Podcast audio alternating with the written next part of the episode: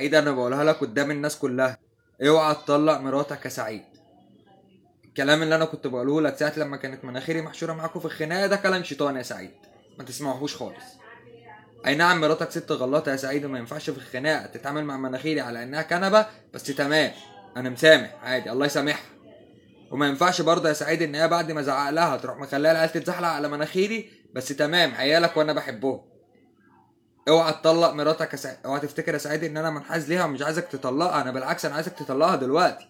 بس أنا اكتشفت ان هي كاتبة مناخيري في القايمة يا سعيد. ما يرضكش يا سعيد. سعيد اوعى تطلق مراتك.